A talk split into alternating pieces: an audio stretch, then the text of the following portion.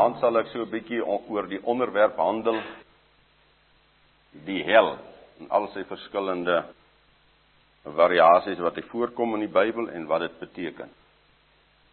Matteus 24 Ek wil maar net so 'n paar verse uithaal vers 4 En Yeshua antwoord en sê vir hulle pas op dat niemand julle mislei nie. Want baie sal onder my naam kom en sê ek is die Messia en hulle sal baie mense mislei. En dan blaai is om. Uh so vers 23 as iemand dan vir julle sê kyk hier is die Messia of daar moet dit nie glo nie. Want daar sal baie valse Christusse en valse profete opstaan en hulle sal groot tekens en wonders doen om as dit moontlik was ook die uitverkorenes te mislei. Kyk, ek het dit vir julle vooruitgesê as julle dan as hulle dan vir julle sê kyk, hy is in die woestyn, moenie uitgaan nie. Kyk, hy is in die binnekamer, moet dit nie glo nie. Net tot sover. Ons skrywe bo aan die boodskap pop godsdiens. Vir ons kinders populêre godsdiens. Wat was die toestand in Jerusalem en in die land Palestina toe Yeshua op aarde gewandel het? 'n Magtige Romeinse ryk wat alles hanteer het. Alles was aan hom onderwerp en onderdanig. Saam daarmee 'n vervalle volk. Ja, groot tempel in Jerusalem, baie priesters, owerstes, leraars, ouderlinge, so lees ons, fariseërs en sadduseërs, allerlei groepe binne die godsdiens. 'n Verskriklike verval. Tragiese onkunde. In sy laaste week toe op die aarde gewandel het in die vlieg, het hy geweldige prediking uitgespreek. En een van die klein stukkies van sy prediking wat ons vandag op belet is sy oproep en sy waarskuwing dat daar sal baie valse gesalfdes opstaan. Baie vals leraars en profete. Soos hy sê as hulle kan Die duiwel, as hy kan, sal hy selfs die uitverkorenes wil vernietig.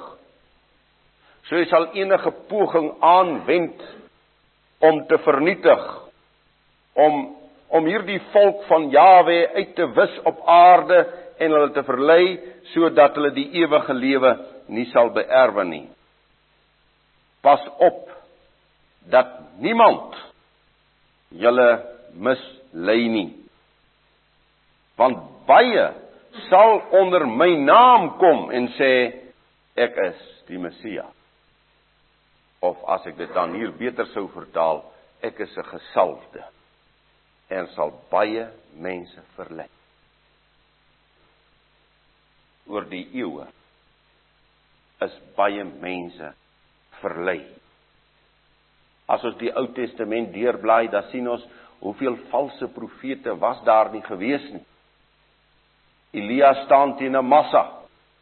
Micha staan teen 'n massa. Elke keer so een enkele en hy staan teen 'n massa wat mislei en die volk glo hulle, valse profete. Vroeg in die Nuwe Testamentiese geskiedenis dan waarsku Paulus teen die valse profete. Johannes, Petrus waarsku teen die wat mislei, wat as gesalfdes sal opstaan en optree. En dan wil dit vir my tog voorkom ons moet daarop let. Hoe nader ons aan die wederkoms van Yeshua beweeg, hoe meer sal die valsheid na vore tree. Hoe magtiger gaan hierdie vals godsdiens van verleiding word. Hoe meer aanskouliker gaan dit word. En daarom praat ons van pop godsdiens. Dit gaan populêr word. Soos wat die wêreld al meer sonder die ware God Jahwe raak, so sal hulle nog van die Bybel praat en uit die Bybel praat. Maar hulle sal nie meer die woord spreek nie. Hulle sal hulle eie dinge vir hulle formuleer.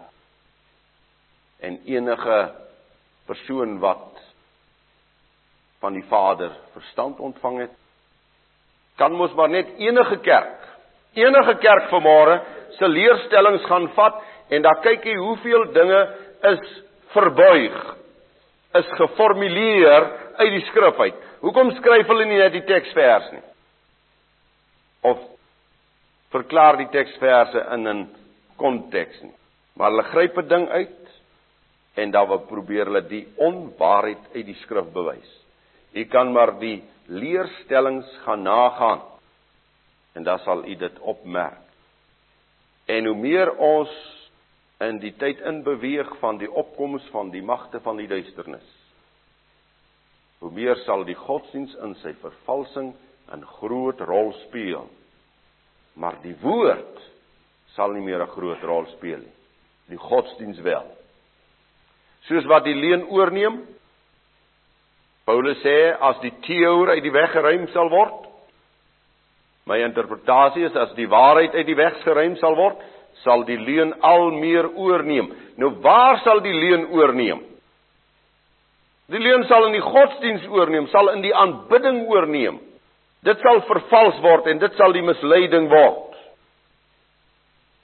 En dis juis die wit volk oor die aarde die Israel volk oor die aarde wat mislei moet word wat vernietig moet word. Sy aanbidding moet al meer wegskuif van die waarheid sodat hy kan deel word van al die godsdienste van die aarde. Wat ook baie opmerksaam is is die groot gedruis waarmee dit gedoen sal word Ek lees dat Yeshua het 3 jaar in die openbaar sy bediening gedoen. 3 jaar lank. Het hy geweldig gepreek. Hy moes 'n wonderlike stem gehad het want ek lees by geleenthede waar hy staan voor 'n groot massa en almal het hom gehoor. Maar hierdie groot massas raak weg sodat ons sien hy praat op die ou eend van 70 disippels wanneer die Heilige Gees na die aarde terugkeer, wanneer God deur sy Gees weer by sy volk kom woon. Das daar maar 120 na die 3 jaar se prediking wat verstaan het, wat begryp het. Maar u moet oplet die godsdiens van ons tyd, hierdie populêre godsdiens van ons tyd, dit word gedoen met groot advertensie. En ek het vanmôre eenetjie hier in my hand. Van hierdie groot konferensie hierdie wêreld tipe konferensie wat gehou gaan word. En ek hou dit voor u op dat u dit sien en dan sien u waar in watter kleure is dit? Dit is in die reënboogkleure van die van die New Age movement. Rema. Rema se groot kerk in Suid-Afrika. Rema se massa godsdiens in Suid-Afrika. En hulle advertensie is in die kleure van die New Age movement geweldige advertensie asof God adverteerbaar is. Sy gees werk en sy gees werk sonder enige advertensie.